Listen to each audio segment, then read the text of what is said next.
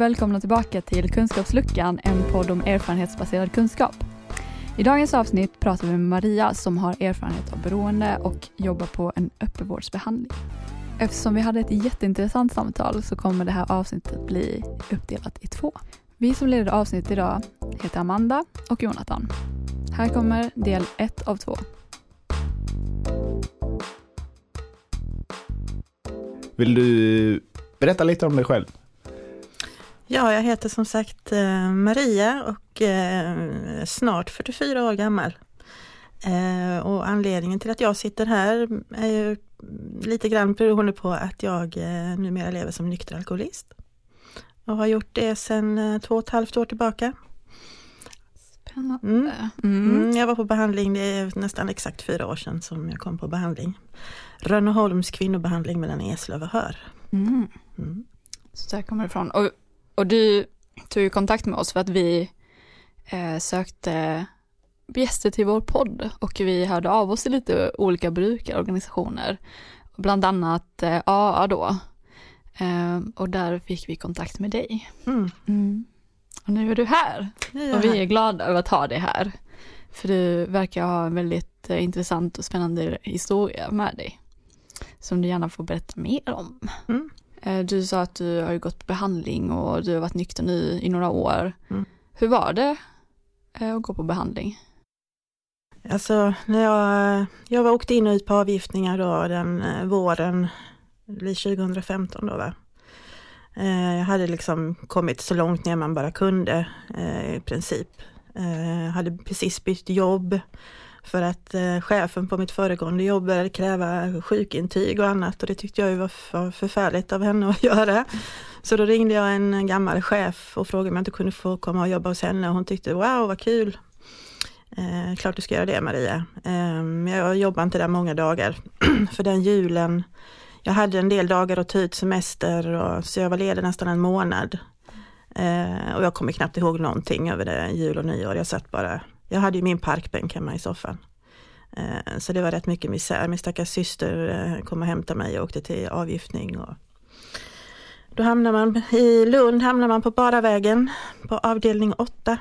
Då får man såna här fina B-vitaminsprutor i rumpan och mm. Stesolid och så. Så får man vara där fem dagar.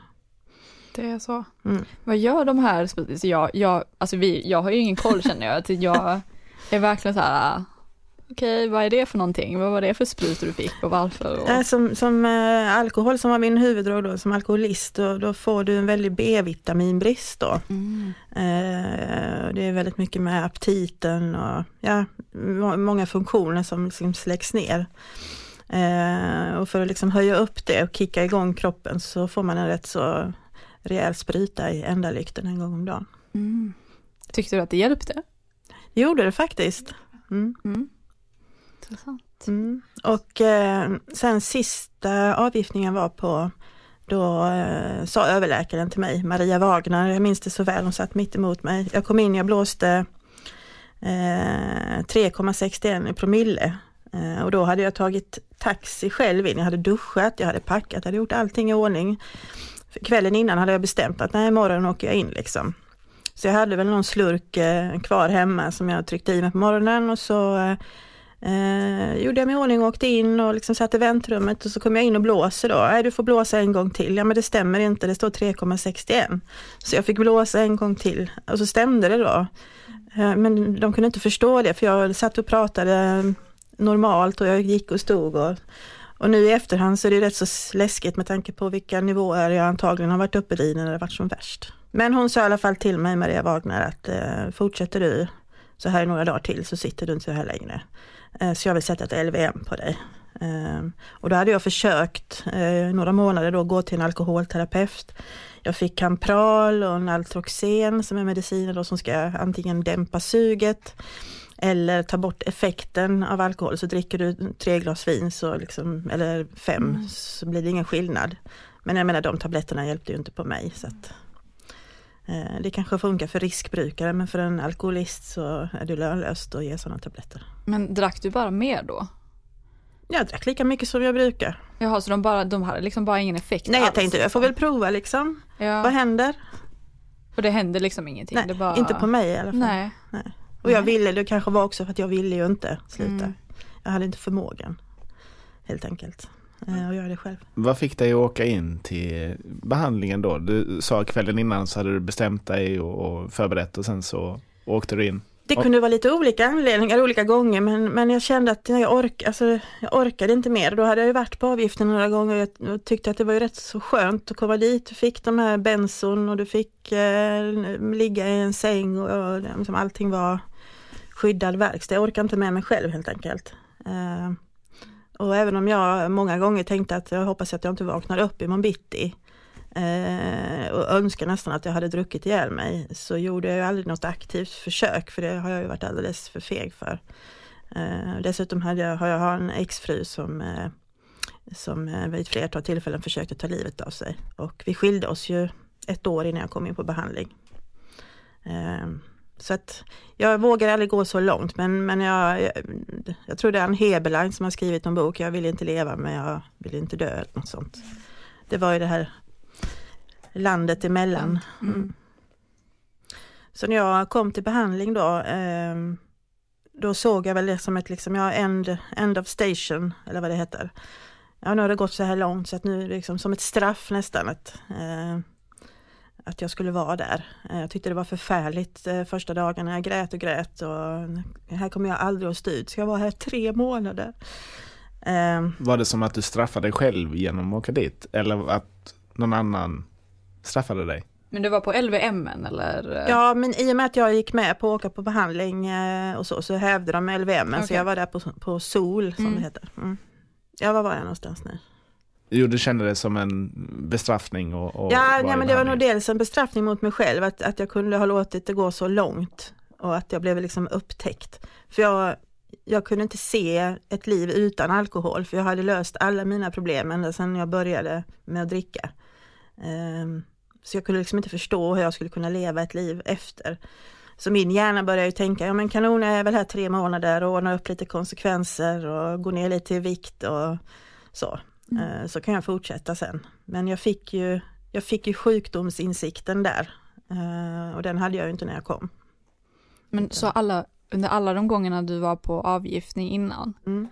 eh, det, det, det, är kort, det är kort tid då det sker? Det är fem dagar eller? Mm, det är alltid fem dagar och sen om man har tur och kommer in, för det har ju varit andra gånger jag har kommit dit och då har de skickat hem mig igen för de inte haft plats. Eh, och då skickar de hem en med en påse Stesolid. Så får man komma dagen efter och hämta en ny påse Stesolid med mindre tabletter i då för att trappa ut själv. Och det är ju, för mig var det ju lönlöst. För det första så, så mådde jag ju bättre ett par dagar efter Eh, För att jag hade varit tvungen att trappa ner så mycket. Jag drack ju ändå. Jag visste jag, jag klarade ju att blåsa noll. Mm. Och sen sparade jag de här benson som var kvar. Och när jag väl hade liksom tagit, alltså återfallet det var ju, det, det var- ju full fart. Ändå. Mm. Så att jag, jag klarar ju inte att bryta det själv. Men ändå så tvingas man för, på grund av att det finns brist på plats och tid och pengar, alltså pe- pengar antagligen ju, det ju, måste ju vara det som är, varför finns det inte plats annars? Nej, liksom? alltså på avdelning 8 i Lund var det i alla fall så. Jag tror det var 8 eller 10 platser eh, på den avgiftningsavdelningen. Eh, det var ju alla de olika sorter eh, som var där. Eh, och jag vet ju nu av erfarenhet att det är många som vill komma in på avgiftning men som blir stoppade i dörren. Nej, vi har inte plats eller du får komma sen. Och jag menar, när en, när en beroende kommer och har det här fönstret, motivationsfönstret, nej men nu, nu orkar jag inte, då måste det liksom hända någonting med en gång.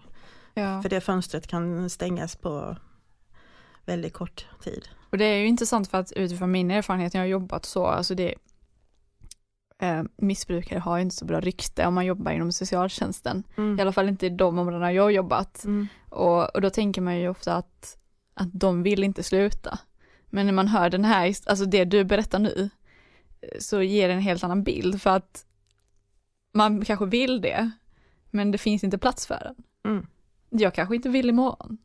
Då får man ju ta tag i det när det, när det händer liksom, Mm. men att bli avvisad, alltså det måste ju vara nästan stor, alltså det måste nästan vara, alltså göra det värre. Att bli avvisad när man känner att man, Att man har liksom, Ja men det är en slags eh, värde, jag är så lite värd så att, att jag inte får liksom den vården Ja. som jag nu vill ha. Eh, och jag kan tänka mig att många i samhället, liksom det här stigmat att missbrukare på det och det är liksom dåliga människor Mm. och som inte har kanske sjukdomsinsikter. mm, De har ingen aning om vad, vad en, en beroende går igenom. Eh, det är ju inte så att jag vaknade upp och tänkte nu jävlar ska jag bli alkoholist. nej, Eh, Det är ju ingen narkoman eller vad det nu är för beroende som har det som plan när de börjar att eh, vara fast i den skiten. För att det är ju liksom inte en dans på rosor direkt. nej. Motivationsfönster och sjukdomsinsikt, det är olika saker eller? Mm.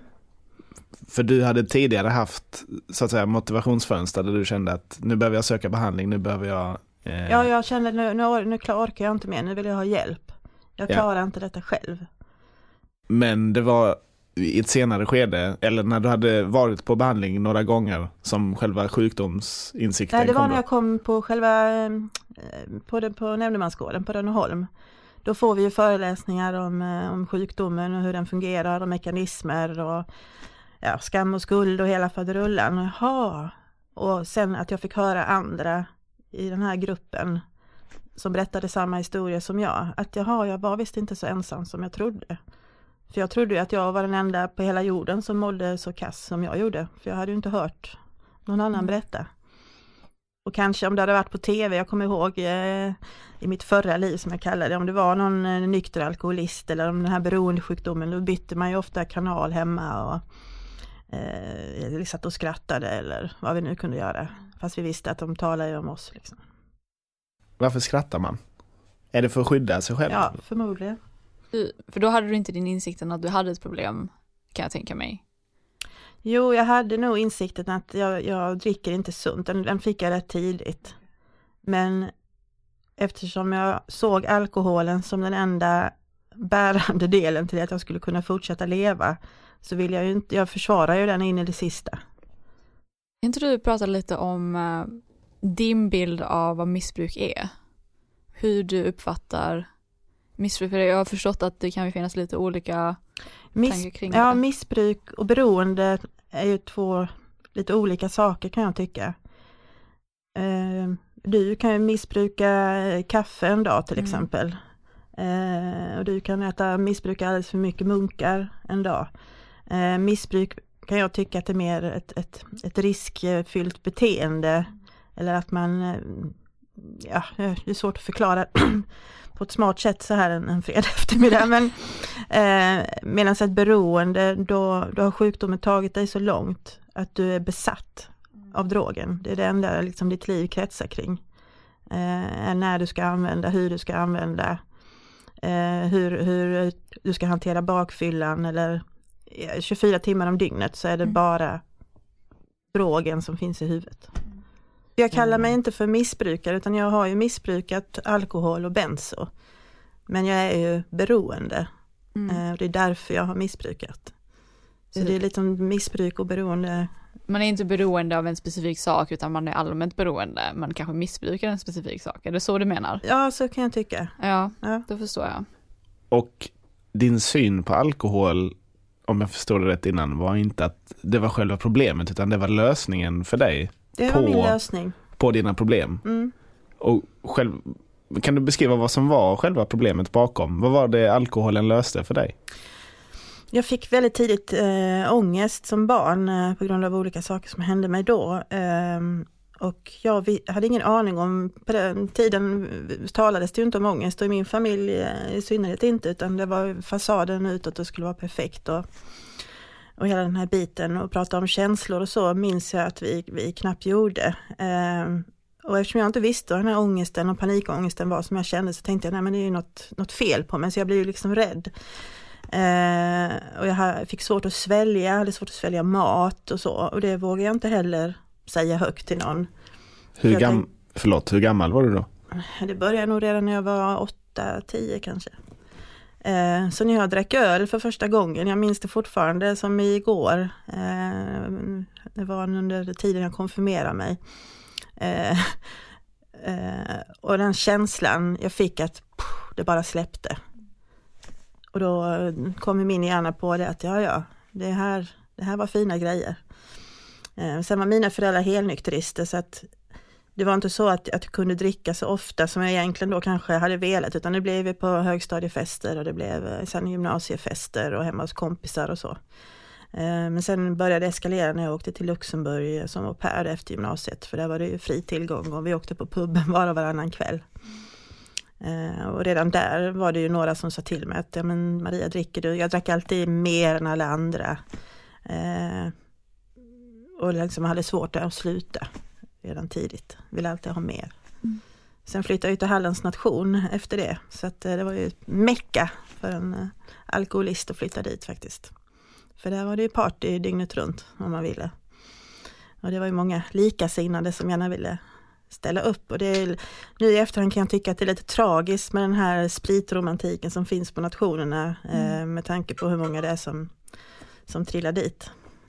Ja, jag tror att det finns en ganska sån här det är ju ganska accepterat liksom att dricka mycket när man går i skolan. Alltså det, det är faktiskt, jag vet inte riktigt hur nu börjar vi ju dricka mindre, det sägs ju rätt mycket liksom mm. att eh, de unga idag, de dricker ju inte lika mycket mm. som kanske vår generation gjorde när vi mm. växte upp. Jag, jag drack nog en del när jag växte upp, men sen så slutade jag ganska mm. snabbt där när jag blev 18 av någon konstig anledning.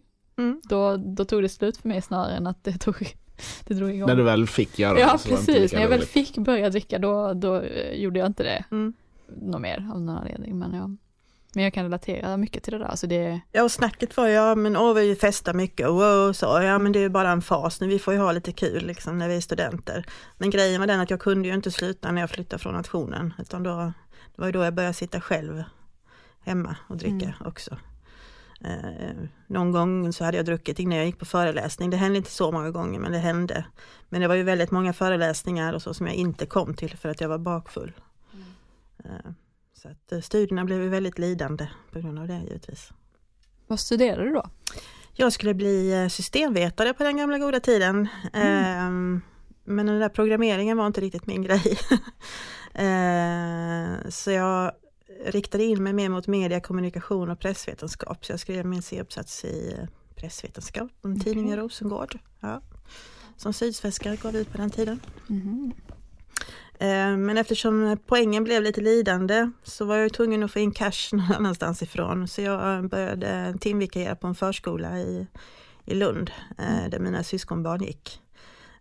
Och de trivdes så bra med mig och jag höll ju fasaden så bra uppe så de gav mig en Montessori-utbildning. Så mm. jag blev Montessori-lärare istället. Så det från hårdvara till mjukvara. Vad häftigt. Så jag jobbar ju inom förskolan i 17 år någonting nästan. Mm. Tills jag kraschade. Hur förhöll du dig till att du fick eh, ja, men uppskattning? Kände du själv att ja, men jag gör ett bra jobb här eller kände du mer att eh, ja, de skulle bara veta vad som pågår inom mig? Ofta kände jag faktiskt så.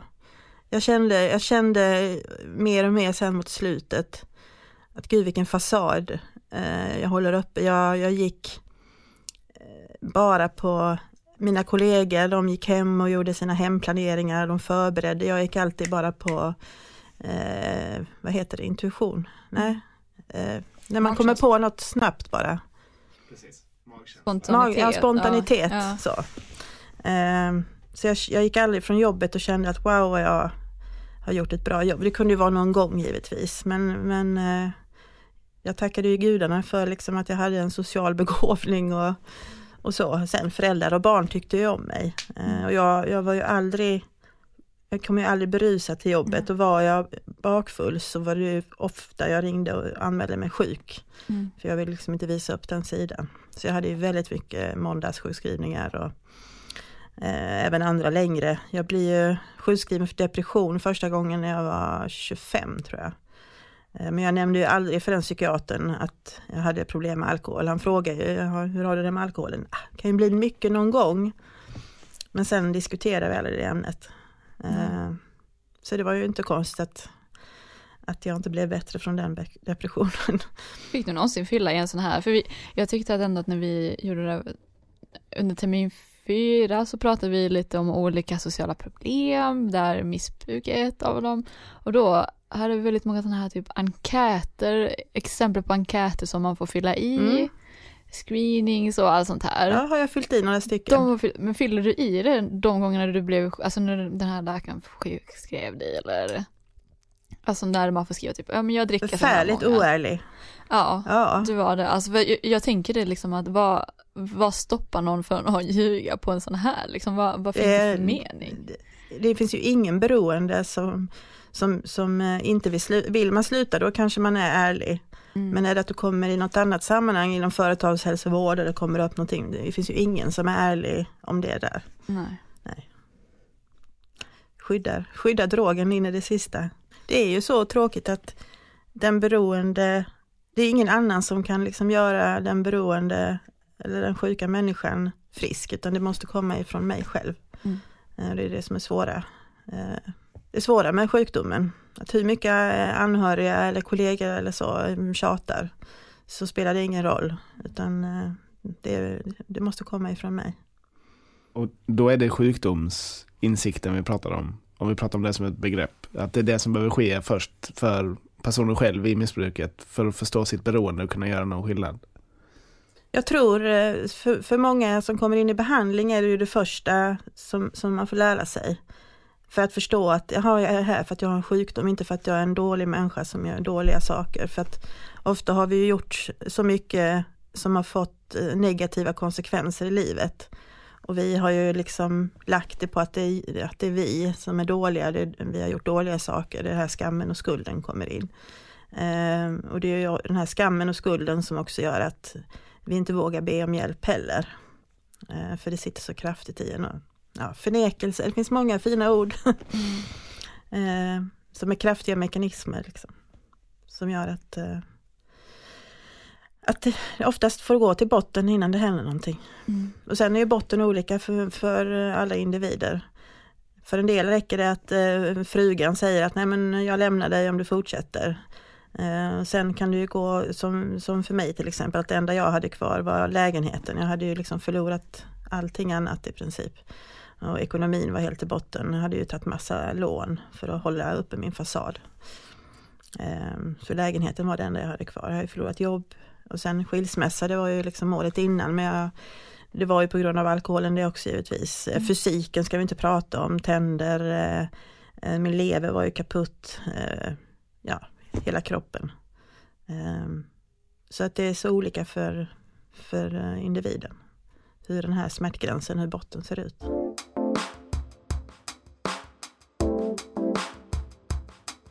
Men vad var det då som gjorde att du kände att när ni, nu är min botten, liksom? Ja, jag hade ju tydligen inte nått min botten riktigt för jag gick ut och drack i, direkt efter behandlingen. Ehm, jag såg mig så som ett hopplöst fall. Att det här det hjälper ändå inte på mig. Ehm, jag gjorde mig själv lite unik, det hjälper för alla andra men, men det funkar inte på mig. Ehm, dessutom hade jag inte tömt alla stenar som jag behövde i ryggsäcken på behandlingen. Jag hade väldigt svårt att använda mig av gruppen. Jag hade inte liksom förmågan, jag visste inte riktigt hur jag skulle göra heller. Eh, så de där stenarna har jag ju fått plocka upp eller plocka ur eh, nu längs vägen. Jag fick även gå en PTSD-behandling på ett år som psykolog för att ta hand om eh, olika trauman då. Och det hjälpte mig och då, då jag bestämde mig också att den här psykologen ska jag ha full tillit till. Så då tömde jag mig, tömde jag mig totalt och tillsammans då med självhjälpsmötena och jobba i stegen, de tolv stegen och, och tillsammans med en sponsor att titta in i mig själv. För innan ville jag bara skylla alla problem på alla andra. Det var liksom hans fel att jag mår så eller hennes fel och han är dum i huvudet och så. Utan börja gå in i sig själv. Jaha, det är massa rädslor, det är, det är massa ilska, det är massa skam. Det är det jag får ta tag i liksom. Och när man du löst upp alla de här knutarna så whoops, så fri. Jag undrar lite om den här behandlingen som du gick på, den, den du sa att du kanske inte öppnade dig fullt ut för. Mm. Vad, vad var det för slags behandling? Eh, det var ju en eh, tolvstegsbehandling eller Minnesota, en- enligt Minnesota-modellen då. Eh, så där jag var på Rönneholm var det endast kvinnor. Och det ser lite olika ut på olika behandlingar. Eh, och det, där är man ju inte inlåst är det ju inte men Eh, du ska ju vara där dygnet runt som är internat. Eh, och det är grupp, det är morgonmöte och så är det gruppterapi och det är enskilda samtal med terapeut och aktiviteter och man åker och handlar en gång i veckan på City Gross och eh, så blev vi då utskjutsade på möten eh, två gånger i veckan som var obligatoriskt på den tiden.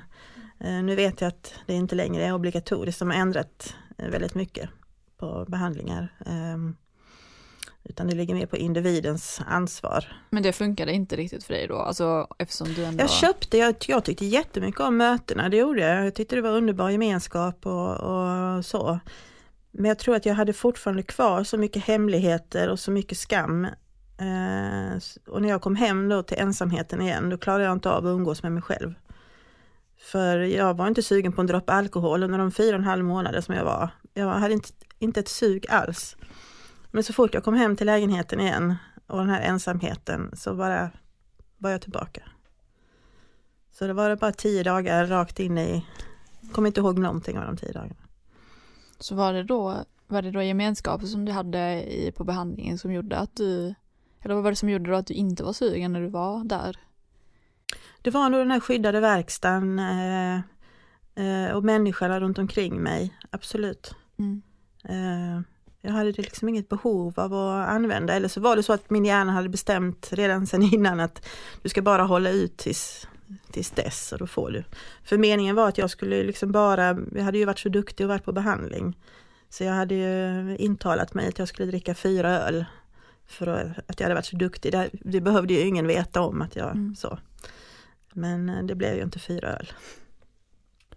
Är det ett problem om behandlingen blir för sluten och för trygg för att det blir en så stor övergång till att vara själv i sin lägenhet? Eller är det någonting annat som är själva problemet som gjorde att man ändå fortsätter missbruket när man kommer hem igen?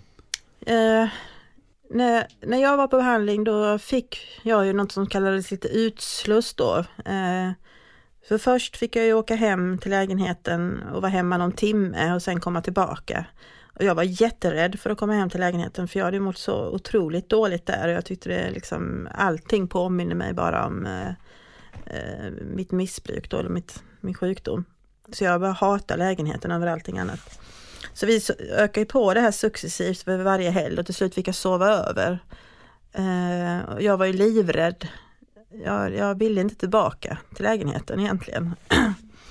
eh, så jag, jag vet inte riktigt det är så många olika liksom pusselbitar som ska eh, bli rätt. Eh, och jag, det här jag var ju på, det var under sommaren jag var på behandling eh, och jobbet. Jag hade inte heller liksom börjat arbetsträna in mig på jobbet för att komma tillbaka och det var ju jättemycket skam bara det att ha det framför sig att komma tillbaka. Även om liksom min chef och alla sa ja men du, det är klart du ska tillbaka. Och, eh, så det var så mycket o, o eh, eller ofärdiga knutar som inte hade liksom löst sig. Och som jag inte liksom hade tagit tag i, i själv. Det är ju liksom inte så att terapeuterna ska göra allting utan jag hade liksom bara skjutit upp det. Mm. Jag undrar lite vilka professioner du träffade inne på behandling. Om det var någon som du kände att du att den här personen är mest trygg hos? Ja, det var ju eh, min terapeut som jag kände liksom tillit till, absolut. Mm. De var väl tre terapeuter där tror jag, eller fyra. Eh, och visste ju att, att tre av dem då själva var liksom eh, eh nyktra alkoholister eller beroende. Och sen var det en som, som inte hade den bakgrunden. Och det var väl så att jag lyssnade nog mer på dem som jag visste hade haft ett eget eh, missbruk då. Eh, så det, ja, det var, tog inte till mig lika mycket av, av, eh, av hon som bara var socionom. Mm. Faktiskt. Mm. Men märktes det någon skillnad i det de sa eller var det bara en, någonting som du kände liksom inom dig? Nej, jag tror att det var inte så mycket vad de sa, men jag kände att när hon säger det så vet jag för hon har känt likadant. Mm. Uh, för det är ju så, det, en beroende känner ju bäst en beroende. Mm. Det är svårt att manipulera än beroende. Eh, det är lättare att manipulera någon som inte har sjukdomen. Mm. Så är det tyvärr.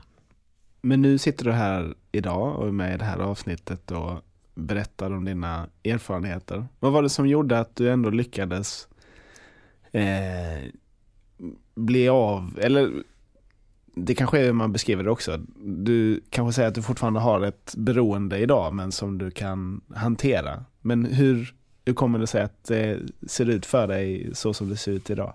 Eh, att jag släppte taget om min egenvilja. Eh, eller min negativa egenvilja. En viss egenvilja behöver vi ju ha för att leva. Eh, jag skulle ju fixa allting själv. Jag kunde och visste allting bäst själv. Eh, jag tog till mig eh, tolvstegsprogrammet men inte till hundra procent utan vissa saker tyckte jag att nej men det behöver jag inte göra, jag kan göra det som passade mig då liksom. Det andra som var lite jobbigt, det struntar jag i. Eh, även som, eh, som läkaren sa till mig, eller jag gjorde inte allting till hundra procent utan jag skulle klara det själv på mitt sätt. Eh, men när jag till slut släppte taget och bara nej men nu gör jag bara som, som min sponsor i programmet säger, nu gör jag bara som min psykolog i PTSD-behandlingen säger. Jag gör precis allt det där och släppte taget, då funkar det helt plötsligt. och så hade jag även jobbat i stegen då eh, och gick på mina möten, eh, gjorde service som det heter, koka kaffe. Jag köpte hela konceptet. Det är många som undrar om det här med Gud inom tolvstegsprogrammet. Ja, måste man tro på Gud och så? Nej, brukar vi säga. Eh, det enda du behöver veta om Gud är att det inte är du. Eh, för det är många av oss, eller de flesta av oss som sitter som har varit väldigt självcentrerade. Eh, och som vi, eller jag i alla fall fortfarande jobbar på min självcentrering. Att, att världen kretsar inte kring mig utan jag är bara en liten droppe i havet. Och det är det här andligheten kommer in och ser sig själv i ett större sammanhang. Så det är ett andligt program. Men det behöver egentligen inte heller vara andligt. Jag menar att se sig själv i ett större sammanhang kan ju kan man göra ändå tänker jag, eller hur? För andlighet har ju ingenting med religion att göra. Utan... Nej, det har ju inte det såklart. Mm. Men det är, ja, det är nog många som, som tänker, man tänker nog på det ganska mycket liksom bara, ja, ja men, ja, men man måste ju vara religiös för att Nej, jag känner jättemånga ateister som är, mm. som är med i programmet. Så att, har ingenting med den, den guden att göra. Eh, det är ju det att det kommer ju från USA och det, där är ju den rörelsen mycket starkare med, med kristna rörelser och så. Mm. Men i Sverige, jag tror den största tron i Sverige det är ju på naturen. Om man tror på någonting större då är det liksom naturen. Eh, och jag hittar jättemycket kraft och styrka ifrån från naturen, havet till exempel. Mm. Hur, hur fick du veta om AA? Vi fick ju åka på äh, möten från äh, behandlingen. Just det. Mm. Har de ett samarbete då eller hur funkar det? Nej, det har de äh, absolut inte. men det är ju så att de här behandlingshemmen har ju tagit inspiration ifrån tolvstegsprogrammen eh, och gör behandlingarna utifrån de tolv stegen kan man väl säga det här med att jobba med sig själv och så. Och det är många som tror att ja, men nu ska jag börja gå på A eller NA och tror att det är som en form av behandling. Men det har liksom ingenting med varandra att göra. Utan eh, eh, vi blev då utskjutsade på möten för att komma in och lära oss liksom eh, eh lära oss att gå på möten, att det skulle bli en vana så att säga. Eh, nu vill jag hosta. eh, och jag, jag älskade mötena, det gjorde jag. Tyckte det var skön stämning där. Eh, sen kanske jag inte riktigt först trodde på att, herregud, sitter han och säger att han har varit nykter i 20 år, det kan inte stämma. Ehm, men det gör det ju. Mm. Men då, då fungerar det så att ni är på behandling och så och så i det liksom så får ni skjuts till de här mötena som är egentligen utanför behandlingen som ett sätt att... Ja, på den tiden var ju mötena obligatoriska, att vi skulle gå på mötena. På A-möten? Ja, NA-möten. Och... och NA, mm. det var, men då, hur kan det komma sig att de inte hade något slags samarbete då? För jag tänker att, att det blir ganska så här att man, eh, hur säger man, ganska uppstyrt. Att eh, nu, kommer, nu ska det här behandlingshemmet komma med alla de som är på behandling. Ja, alltså, fast det vet så. ju inte mötena om, att det kommer en busslast okay. Eh, Utan det är öppet Ja, för alla, precis, så det är ju ingenting som, som eh, mötena vet om att idag kommer de och de. Eh, Så det är ju ingen kontakt däremellan. Men det är ju faktiskt rätt så intressant kan jag tycka för att de, de nyttjar ju ändå någonting som eh, ja då kanske gör frivilligt och det är öppet för alla och så och så kommer behandlingshem och bara ja men Ja men det är ju en beroende som också har en önskan att sluta dricka eller droga eller vad de nu har. Så att alla är ju välkomna. jag Så att, att, det eh, kanske hade funkat lite bättre om man hade haft något mer samarbete så att man liksom på något sätt erkänner. Men det är ju det som är det fina med, med A och NA och alla de här eh, självhjälpsgrupperna är att det är fristående. Vi ska inte vara beroende av någon annan. Och skulle vi liksom börja samarbeta med, med ett behandlingshem då är, vi då är vi inte oberoende. Utan det är, min grupp är liksom oberoende självförsörjande, ska inte ha med något annat utomstående att göra. Mm. Det är det som är själva grundkärnan i, i Men hur, hur känner då, då till exempel eh, att det var obligatoriskt? För att då blir det liksom att man inte har gått dit frivilligt utan det är en del av ens behandling. behandling. Mm, Du skriver ju på ett behandlingskontrakt när du börjar. Ja. det här och det här kräver vi att du godkänner att vi, det här är vår metod liksom. Mm. Och då skriver jag under på det. Och då får jag göra liksom det här schemat, det ligger ju på Mm. schemat så att säga.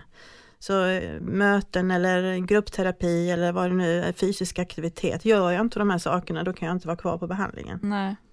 Men för ja, var det liksom aldrig ett problem att, man kom, att det var aldrig någon som kom dit och bara ja men jag, jag måste ju vara här även fast hela deras princip är att det ska vara frivilligt. Det finns säkert en del som tycker att ja, nu kommer de från de där behandlingshemmen men å Mm. andra sidan jag går ju på möten nu för att föra budskapet vidare och kan jag liksom när det kommer eh, män och kvinnor från behandlingshem nu och jag kan berätta min story hur jag gjorde liksom med min lösning, då kanske jag hjälper dem. Och just jag är ju bara glad om det kommer folk från, från behandlingshemmen på möten jag går på. Eh, så att de, de kanske liksom får någon slags hjälp. Jaha, hon gjorde så. Mm. Eh, så att det är ju så mötena fungerar. Vi för ju budskapet vidare. Mm. Hur vi, hur vi lyckas hålla oss nyktra. Ja, alltså jag var ju på en föreläsning om motivation igår Mm. och jag tänker liksom hur mycket man kan koppla ehm, sånt här också till den inre motivationen man har och, och till exempel som det här att visst det kanske är obligatoriskt att gå på de här mötena men på något sätt så kan det göra att man hittar den här inre motivationen att, att då sluta till exempel för att man har träffat någon i någonting som kanske är obligatoriskt och man hittar någon som man kan identifiera sig med och känna sig i ett sammanhang med och att det i sig kan leda till någonting som kanske inte är obligatoriskt längre, någonting som ger inre Och det är, ju, det är ju gruppidentifikationen som gör alltså gruppterapin så stark. Att sitta själv med en terapeut, det är inte många beroende som har blivit nyktra av det, utan det är det här att få speglingar av så många Mm. som har nästan samma historia att berätta. Eh, För även om vi har tagit olika droger eller haft olika konsekvenser, så alla känslor är exakt de samma. Mm. Eh, Så även om du spelar eller du tar amfetamin eller dricker alkohol så är känslorna eh, exakt samma. Så det, det är häftigt faktiskt. Du har lyssnat på Kunskapsluckan som vi spelar in i samarbete med Iglon Studio i Malmö. Om du har kommentarer, frågor eller önskemål så kan du nå oss på Instagram om du söker på Kunskapsluckan, på Facebook om du söker på Kunskapsluckan podd med 2D. Du kan nå oss via mail på adressen kunskapsluckanpodd, också med 2D, snabel gmail.com. Tack för att du har lyssnat.